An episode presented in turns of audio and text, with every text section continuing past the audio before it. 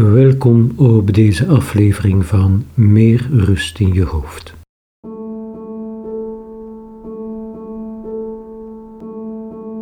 De bedoeling van deze podcast is eenvoudig: je drukke hoofd even tot rust te laten komen. In het eerste seizoen tot en met aflevering 7 zochten we die rust op door de beleving van een korte meditatie of relaxatie en door op te gaan in de beleving van een verhaal. In het tweede seizoen gaan we op zoek naar inspiratie om ruimer te kijken naar de landschappen van het leven.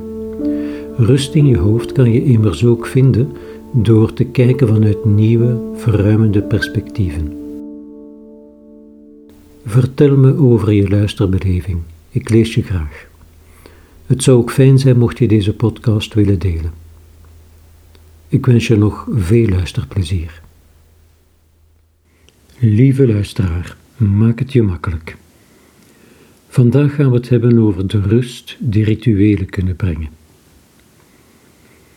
Mijn laatste boek heeft als vertrekpunt de kloof tussen het leven dat we verwachten en het leven dat we krijgen.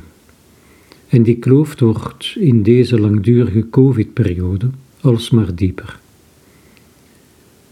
Zo'n kloof die proberen we in onze westerse wereld voornamelijk te dichten door veel te denken.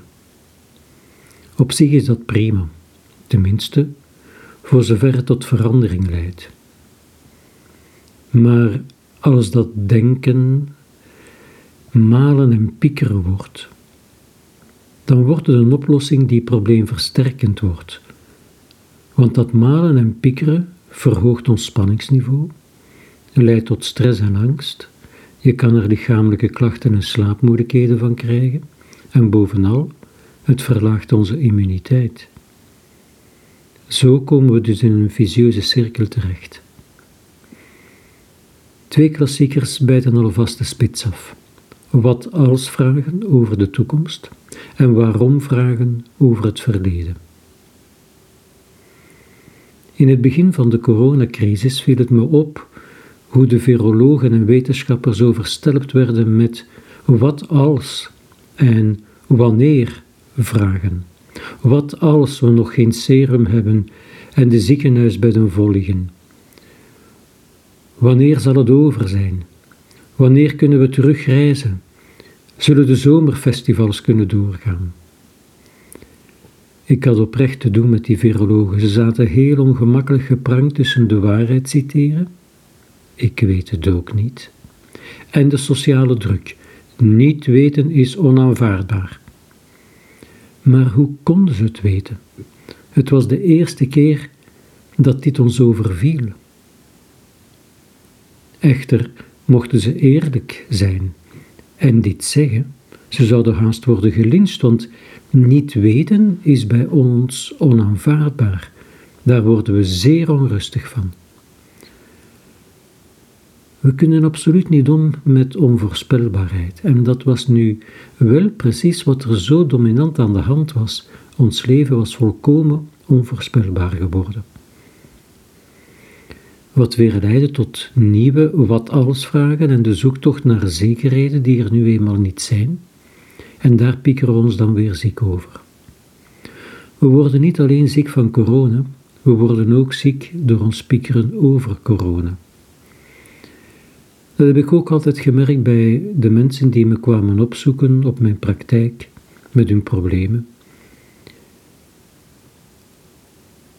En dan waren er hun problemen. En er was ook een manier om met die problemen om te gaan. En dat was voornamelijk piekeren. En dat piekeren leidde niet zelden tot probleemversterking of het ontstaan van nieuwe problemen, bijvoorbeeld slaaptekort, dat dan leidde doordat ze slechter functioneerden op hun werk, tot meer fouten of slecht gehumeurd zijn in het gezin. En zo ontstonden er steeds meer problemen, als een olievlek die zich uitbreidde. Nogmaals, er is niets fout met denken, maar wel met gedachtenstromen die ons ziek maken. Dat beseffen we soms wel, maar het is zo moeilijk om een alternatief te zien, zo moeilijk om buiten dat heilige denken te treden. Iets wat soms soelaas gaf, was het ontwikkelen van rituelen. Dat hebben we ook tijdens deze COVID-periode gekend. Het elke avond opnieuw maandenlang op het balkon of in de open ramen applaudisseren voor de hulpverleners. Het opzetten van buurthulp. Het spelen van muziek in de straten. Het bracht ons dichter bij elkaar en bood troost. Rituelen zijn in andere culturen dan de onze veel belangrijker. En in mijn praktijk hadden ze hun plaats als een van de alternatieven voor het dominante blijven denken. Ooit kwam iemand me opzoeken omdat hij gebukt ging onder een geheim dat alleen hij kende en dat te zwaar werd om nog verder te dragen. Ik vertelde hem het verhaal van de kapper van koning Midas. Die koning was ooit scheidsrechter geweest in een muziekwedstrijd tussen Pan en Apollo. Toen hij koos voor Pan, nam Apollo wraak door de oren van de koning te laten uitgroeien tot afschuwelijke ezelzoren, zodat de koning altijd met een hoge muts moest rondlopen. Die zette hij alleen af bij de kapper, die absolute zwijgplicht werd opgelegd. De arme man begon daar op den duur erg onder te lijden, en op een bepaald moment woog dit geheim zo zwaar op hem, dat hij het gevoel had dat hij er iets mee moest doen om er niet aan onderdoor te gaan. Maar hij wist, hij wist echt niet wat, voelde zich heel onzeker omdat hij enerzijds kostte wat het koste loyaal wou zijn, anderzijds iets moest doen wat zijn leven een, een nieuwe wending kon geven, want zijn leven dreigde te kantelen. Op een dag hield hij het niet uit en, en hij groef een kuil een kuil in de grond, en daarin fluisterde hij zijn geheim. Toen deed hij de kuil weer dicht en voelde een diepe bevrijding. De man in mijn praktijk aan wie dat ik dit verhaal vertelde, was erg gepakt door dit verhaal. En misschien wat vreemd, maar hij groef zelf ook een kuil in zijn tuin. En elke dag, een paar minuten lang, fluisterde hij daar zijn geheim in. En daardoor werd hij er voor de rest van de dag niet langer door verstoord. En dat was voor hem een hele winst.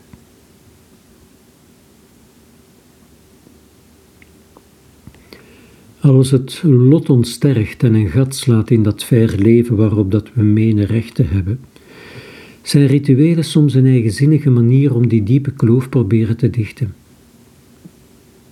Henri, een vijftiger, is zijn werk kwijt door de coronacrisis. Hij heeft het er zeer moeilijk mee. Zijn werk was zijn passie en zijn leven en hij was er ook een krak in. Vandaar dat hij nog steeds voortdurend bevraagd wordt door collega's om raad. En het doet hem goed dat hij zo bevraagd wordt, maar tegelijk ook kwaad, want Daardoor wordt loslaten alsmaar moeilijker, hij is tenslotte ontslagen. Het verlies valt hem zwaar, maar de rouw kan niet plaatsgrijpen zolang dat hij zo verbonden blijft, zowel in gedachten als in zijn bereidwillig bijspringen. Aan solliciteren komt hij niet toe. Hij is niet klaar voor een nieuwe toekomst en blijft maandenlang zwalpen in een no tussen een afgesloten verleden en een onzichtbare toekomst. Henri gaat zinderogen achteruit en zijn vrienden besluiten in te grijpen. Tijdens een wandeling in de Ardennen stuit een van hen op een oud stukje verwilderde spoorweg met een intact gebleven wissel aan het einde.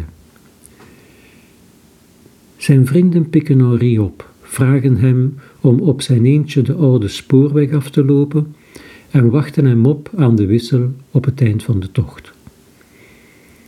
Daar aangekomen krijgt Henri een grote kerstbal en vragen ze hem om er tijdens een minuut stilte imaginair al zijn teleurstellingen in te stoppen. Wanneer hij klaar is, kan hij de kerstbal over zijn schouders gooien, het belastende verleden achter hem latend. Als het gekletter weer klinkt van de uit elkaar spattende kerstbal, wordt Henri verzocht de wissel op een ander spoor te zetten. Dat verloopt niet makkelijk. Het ding is verroost en met veel smeerolie en gevloek wordt de wissel uiteindelijk krakend overgehaald. Een glas wordt gegeven op de toekomst en Henri is de dag erop beginnen solliciteren. Voor Henri was het ritueel belangrijk omdat hij anders gewoon was blijven doorgaan met betrokken te blijven op zijn voorbije leven. Zijn ontslag was voor hem, zijn werk viel immer samen met zijn leven, geen streep in de tijd en het moedig kunnen loslaten samen met het verlangen naar erkenning maakte dat niets die streep zou trekken. En dat beseften gelukkig ook zijn vrienden en zij bedachten deze symbolische handeling, die wij nu een ritueel noemen, als een streep in de tijd, tot hier en vanaf nu.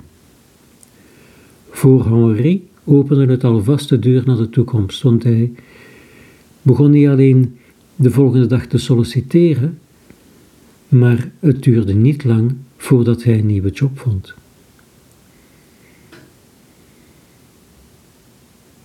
Een ander verhaal. Een jong koppel komt bij me aankloppen. Ze hebben al vijf jaar een relatie, maar elk woont nog apart. Zijn probleem is dat ze het moeilijk hebben om te praten over hun toekomst. En dat is er gekomen vanaf een bepaald moment, namelijk de aankoop, drie jaar eerder, van een huis door de man. Hij wou dat kopen voor hun beiden. Zij echter had het maar één keer gezien en was niet zo enthousiast. Maar hij moest de dag erop beslissen en was voor de koop gegaan zonder haar verder te raadplegen. Dat was voor haar een onvergeeflijke beslissing, omdat de aankoop van een huis in haar ogen een van de belangrijkste ervaringen en beslissingen is die men in een partnerrelatie gemeenschappelijk nemen kan. Zij ziet zijn handelswijze, een huis kopen zonder te overleggen, als de meest duidelijke illustratie van hoe hij alles naar zijn hand zet en bepalend wil zijn. Hij wil dat zij er komt wonen. Zij weigert resoluut wegens niet haar keuze.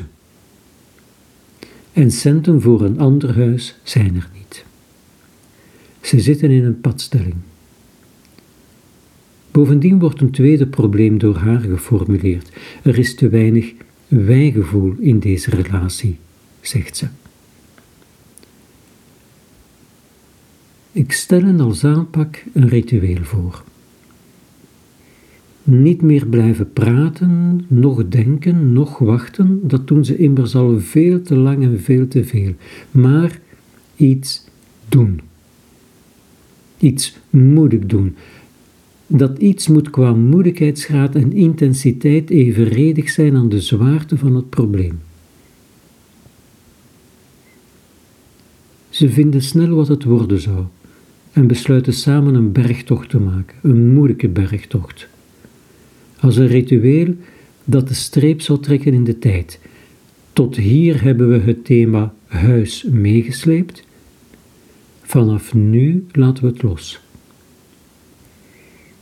Doordat ze dit samen doen en dagenlang intens betrokken zijn op elkaar door de beklimming, is het meteen ook een interventie naar het mankerende wijgevoel dat de vrouw verwoordde. Toen ze terugkeerden van hun bergtocht, zijn ze het huis ingetrokken, weliswaar onder haar voorwaarden. Maar de impasse was voorbij. Vele rituelen dienen om een overgang te kunnen maken. En hetgeen aan de ratio ontsnapt een opening te geven, opdat datgene wat we niet benoemen kunnen, het magische, het bovennatuurlijke, het boven het verstand uitstijgende, zich kan realiseren als de katalysator van de broodnodige verandering. Zo hebben heel wat antropologische studies de in onze cultuur moeilijk te bevatten veranderingsprocessen beschreven die ontlokt werden door shamanistische rituelen. Een van de mooiste boeken die ik daarover las is het relaas van Bruce Chatwin over de songlines van de Aboriginals. Religie was bij ons de supermarkt van de rituelen, maar dat is gelukkig voorbij. Gelukkig, want de prijs, de vreedheid, de inconsistentie en huichelarij was onmenselijk hoog.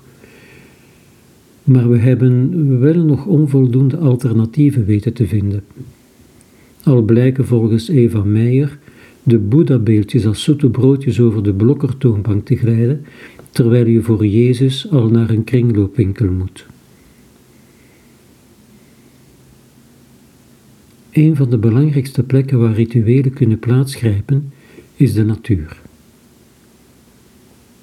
In de natuur ligt de indruk op wat is en niet op wat zou moeten zijn. Dit eenvoudige zinnetje van Houston Smith bevat de essentie van wat de natuur voor ons betekenen kan. Een plek waarin je tot rust kan komen, omdat je hem aanvaardt zoals hij is, met zijn grilligheid en onvoorspelbaarheid, zijn nooit aflatende dynamiek van verandering en het nimmer weten hoe het straks zal zijn. Of kan u misschien het weer voorspellen? De vreedbuien van de slakken in de zomer, de ondergrondse worteling van het onkruid? Nee. Het fijne van de natuur is ook dat ze niet oordeelt in termen van goed en kwaad, juist of fout, kruid of onkruid. En dat ze altijd doorgaat. Onvoorspelbaar. Walt Whitman vroeg zich af, nadat je hebt uitgeput in wat er te vinden valt in de liefde, het werk, de politiek, de hobby's enzovoort, heb je ontdekt dat geen van deze zogenaamde zingevers uiteindelijk permanent voldoening geeft. En wat blijft er dan over? De vraag is voor de meesten onder ons een lange, verwarrende reis. Om eindelijk aan te komen in de door eenvoud en evidentie gecamoufleerde plek van het kardinale antwoord: de natuur.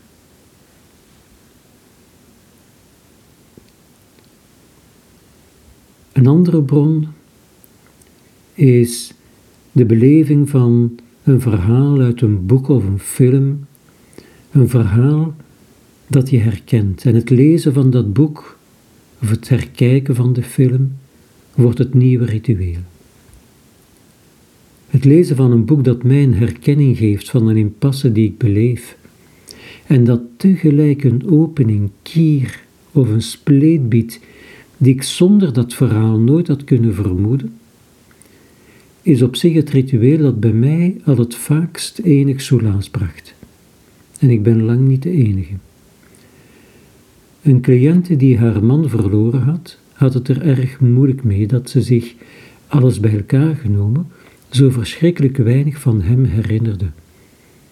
Ze was erg teleurgesteld in zichzelf, omdat haar falende geheugen een verraad was voor de zo intense en lange jaren die ze samen hadden geleefd. Ik heb haar toen een stukje uit onwetendheid van Milan Kundera te lezen gegeven.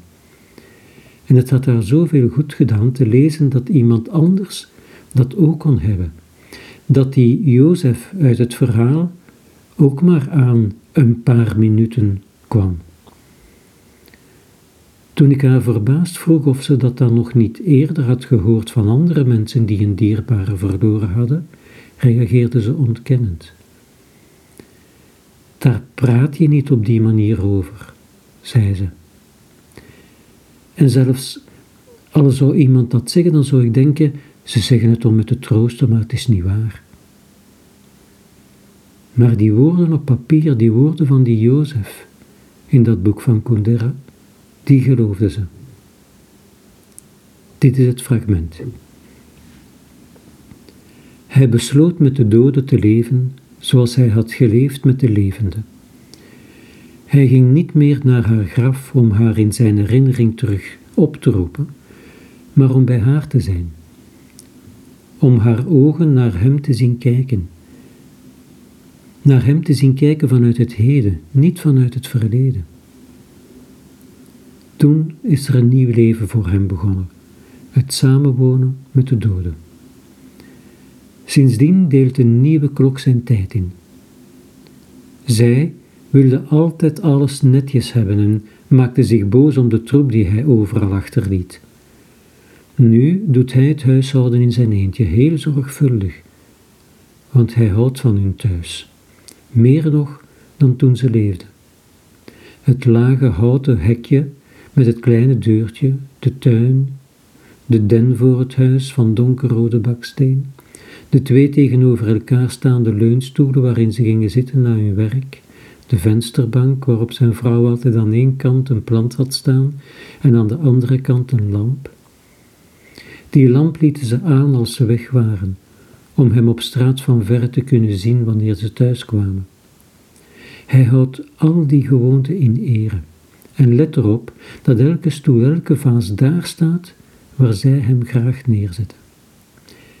Hij gaat terug naar de plekjes waar ze graag kwamen. Het restaurant aan zee, waar de chef hem nooit vergeet te vertellen van welke vissoorten zijn vrouw het meeste hield. Het marktplein van een stadje in de buurt, met zijn rechthoek van rood, blauw en geel geschilderde huizen, van een bescheiden schoonheid die hen verrukte.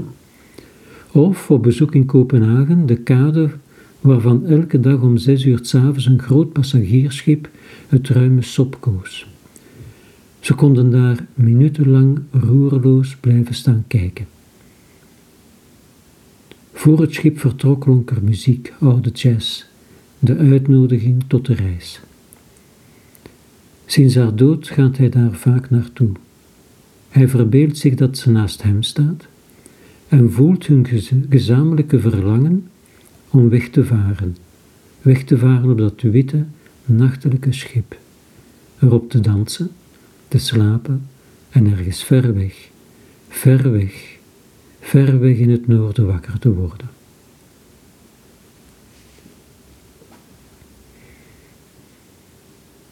Het kan een schip zijn dat ons in de verbeelding meevoert, of een trein, liefst een nachttrein, zoals in het bekende boek van Pascal Mercier, Nachttrein naar Lissabon.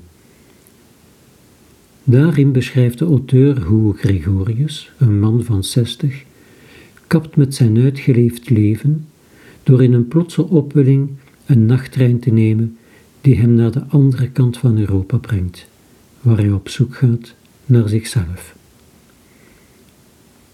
Letterlijk breken met je oude leven, zoals Gregorius, is iets wat alleen de meest moedigen onder ons doen. Niet iedereen die erachter komt dat hij zijn leven misschien niet helemaal leeft zoals hij zich dat ooit had voorgesteld, is bereid om letterlijk weg te gaan. Maar dat hoeft ook niet, zegt Pascal Mercier. En nu citeer ik hem even. Je kunt de nachttrein ook nemen zonder dat je in een trein stapt. Als je erachter komt dat je andere delen van jezelf ook wilt leven en je gevangen voelt in een bepaalde situatie, dan moet iets veranderen. Dat hoeft niet heel veel te zijn. Meestal hoef je niet met de situatie te breken. Het volstaat om jezelf gedeeltelijk te veranderen, namelijk de manier waarop je tegen een situatie aankijkt. Je kunt een ander perspectief innemen. Bijvoorbeeld opnieuw kijken naar de stad waarin je leeft, of je werk of je partner. Daarmee zijn zij nog steeds dezelfde stad of baan of partner, maar de nachttrein nemen betekent hier dat je opnieuw en zonder vooroordelen leert kijken naar een situatie die vanzelfsprekend lijkt, met verwondering door de ogen van een kind. En dan zie je ook de andere mogelijkheden die de situatie biedt. De weg die je met je partner bijvoorbeeld bent ingeslagen hoeft niet definitief te zijn.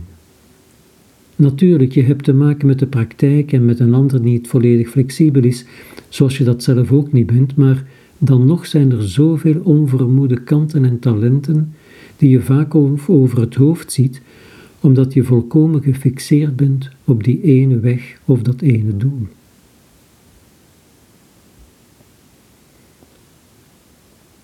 Met nieuwe ogen kijken. Dat is nu net wat het opzet is van deze podcastluisteraar. Mogen die podcast jou inspireren. Bedankt voor het luisteren.